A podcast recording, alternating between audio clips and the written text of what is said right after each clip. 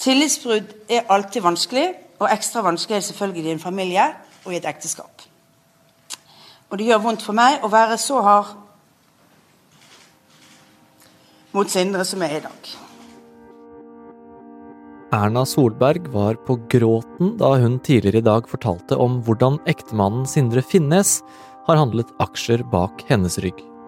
Fordi vi er gift, har felles økonomi, så er det sånn at de handlingene han har gjort, har direkte påvirkning på hvordan jeg kan utøve mine oppgaver som politiker.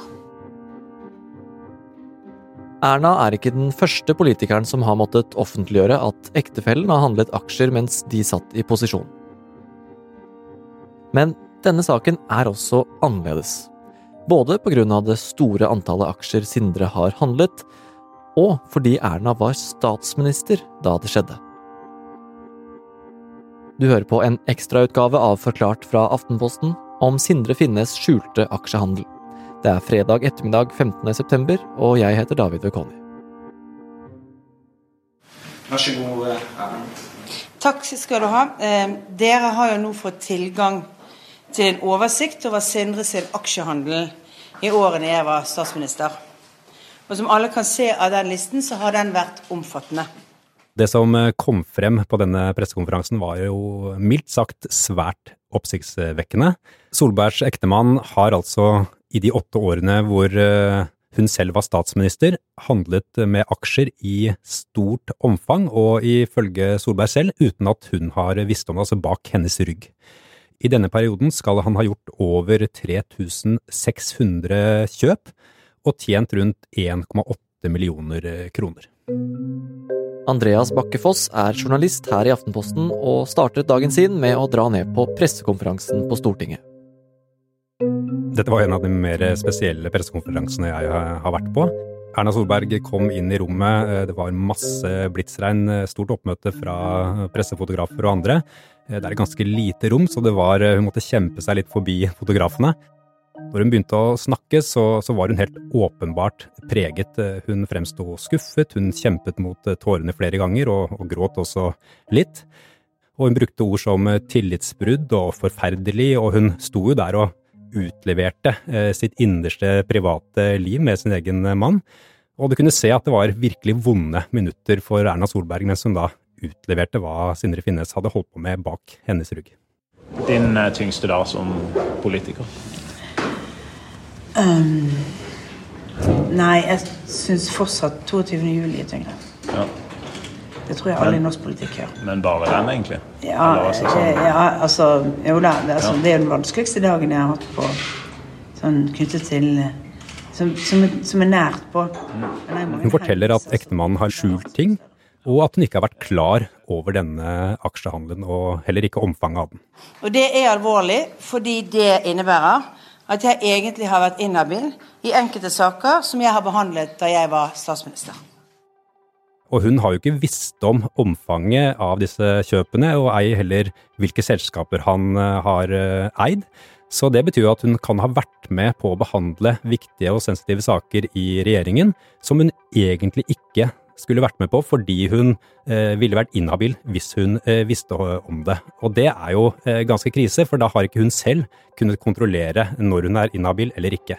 Og, og for en statsminister så er det svært alvorlig.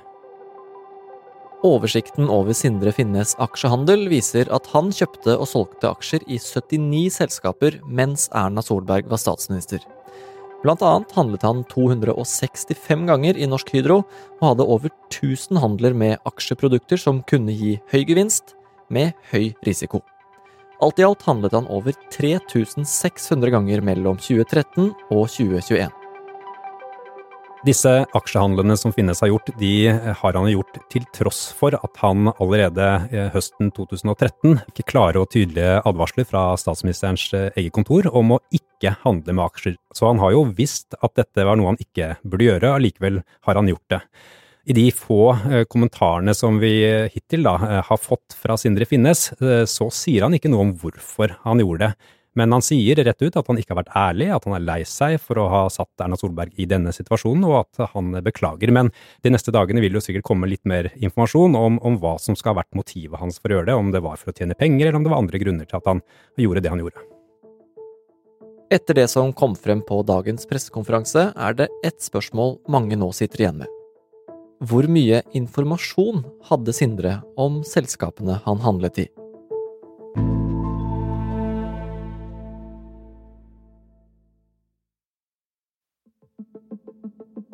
Andreas, eh, nå har vi jo vært gjennom disse habilitetssakene flere ganger i Forklart. Og er det noe vi har lært, så er det at statsråder har et ansvar for å få oversikt over aksjebeholdningen, også ektefellen sin. Har ikke Erna gjort det? Dette er noe av det som gjør denne saken veldig oppsiktsvekkende, for hun var veldig åpen eh, på pressekonferansen og sier rett ut at hun har sjekket med han, men eh, han har jo da løyet til henne Eh, og brutt tilliten hennes. Og han innrømmer jo også det selv, at eh, det var en alvorlig feil, det han gjorde, og som har gjort det helt umulig for Erna Solberg å vurdere sin egen habilitet. Og klart, det å være statsminister og ikke ha mulighet til å vurdere sin egen habilitet, det er ikke bra.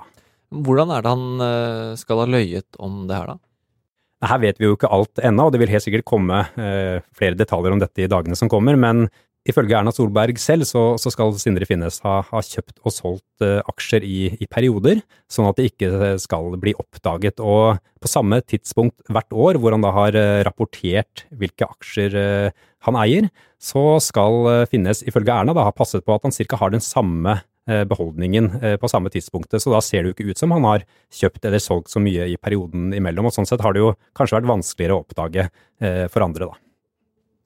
Ja, Så han skal ha på en måte, hatt de samme aksjene på samme tidspunkt hvert år, og så ifølge Erna kjøpt og solgt ting imellom der.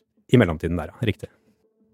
Men det her er jo som sagt ikke den første aksjesaken vi har hatt eh, her i landet. Hvordan skiller den saken seg likevel fra f.eks. Anniken Huitfeldt, utenriksministeren? Omfanget her er jo, eh, sånn som det fremstår nå, mye større enn det Huitfeldts eh, mann skal ha kjøpt. Eh, og man må huske på at Erna Solberg var jo også statsminister i denne perioden. Og det gjør jo saken mye mer alvorlig. Hun har det øverste ansvaret i regjeringen i Norge. Og så er det jo dette med skal vi si, innsatsen som Sindre Finnes skal ha lagt inn da, for å sørge at ikke hun fant ut av det. Hun, hun har jo på mange måter blitt lurt, og han har jobbet aktivt for at hun ikke skulle finne ut av det. Et spørsmål som ble stilt på pressekonferansen i dag, var hvorfor denne avsløringen kom rett etter valget. Rett etter at mange brukte stemmen sin på Ernas Høyre. Selv om Sindre Finnes sine aksjekjøp har vært i mediene en liten stund, så fikk denne saken først skikkelig fart i slutten av forrige uke. Da skrev E24 at han hadde handlet aksjer minst 22 ganger i Ernas fire siste måneder som statsminister. På pressekonferansen fortalte hun at da E24 kom med denne avsløringen, så fikk hun en dårlig følelse. Hun ba da Sindre Finnes om å uh, levere en hel oversikt over alle transaksjoner og aksjehandler han hadde gjort i den perioden. Og så sier hun at det tar selvfølgelig mye tid å få uh, gjort den listen ferdig. Hun må lese den listen, hun må sette seg inn i det, sånn at hun kan svare på uh, pressen sine spørsmål på en god måte. Så hun sier rett og slett at det ville ikke vært mulig, eh, mener hun, å, å fremlegge dette noe, noe, særlig før enn eh, det hun gjorde. I de årene Erna satt som statsminister, handlet ektemannen hennes aksjer i flere selskaper som hun var med på å behandle politisk. Et naturlig spørsmål da er om noen av de handlene kan ha vært gjort på bakgrunn av hemmelig informasjon han satt på. Informasjon som kan gi et hint om hva som vil skje med aksjekursen før det skjer såkalt innsideinformasjon. Jeg diskuterer ikke sensitive saker i regjeringen, og jeg deler ikke informasjon med Sindre. Og jeg har vært særlig bevisst på det siden han jobber i norsk industri. Samtidig så, så, sier hun jo at det ikke er helt umulig eh, at eh, det, det, kan ha skjedd på en eller annen måte. Det ligger jo dokumenter eh, rundt i huset, kanskje. eller hun, det, er mange, det er en lang periode dette har foregått på, og hun kan ikke måte, huske alt. Er det mulig at Sindre kan ha sett papirer eller annet at jeg har hatt med hjem? I de åtte årene jeg var statsminister, så bodde vi sammen i statsministerboligen. I den er det både et eget kontor og andre rom jeg ofte brukte til møter både med statsråder og medarbeidere. Sånn sett er det selvfølgelig ikke mulig å kategorisk utelukke at han kan ha fanget opp noe.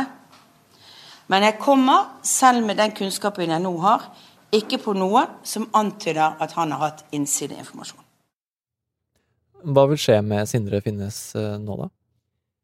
Det blir jo spennende å se hvordan denne saken utvikler seg i dagene som kommer. Eh, det kan også komme eh, flere detaljer om flere kjøp. Man vil kanskje se hvilke tidspunkter kjøpene er gjort på, og sette det opp mot Erna Solberg sin kalender, hva hun gjorde på de samme tidspunktene.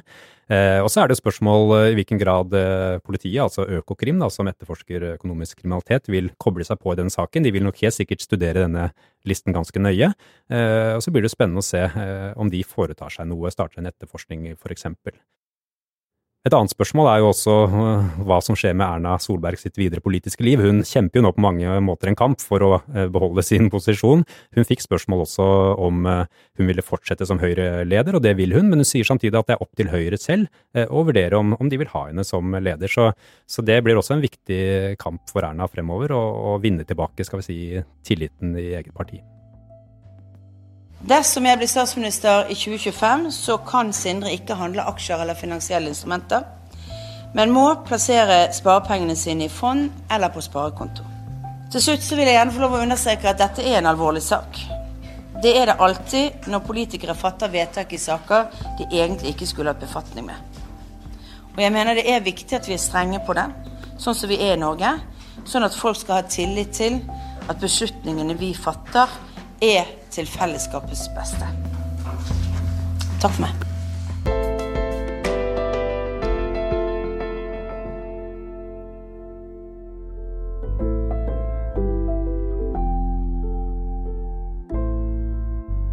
Du har hørt en podkast fra Aftenposten. Det var Andreas Bakkefoss som tok oss gjennom Sindre Finnes aksjehandel.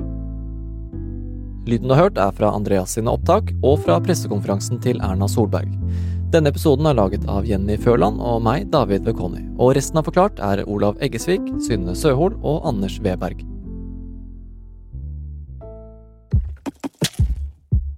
Å spise, drikke, kjøre bil, dra på ferie, bare gå ut døra har blitt mye dyrere. Og medisinen som skal fikse problemet Heve styringsrenten med 0,25 prosentenheter til 4% er renta. Men når renta stiger, så blir jo boliglånet sykt dyrt òg. Må det være sånn? I podkasten Dypdykk undersøker vi de store spørsmålene om tida vi lever i, og prøver å gi deg svarene du ikke bare kan google deg fram til. Ny episode kommer onsdag 20. september. Du finner den hos Aftenposten eller i Podme.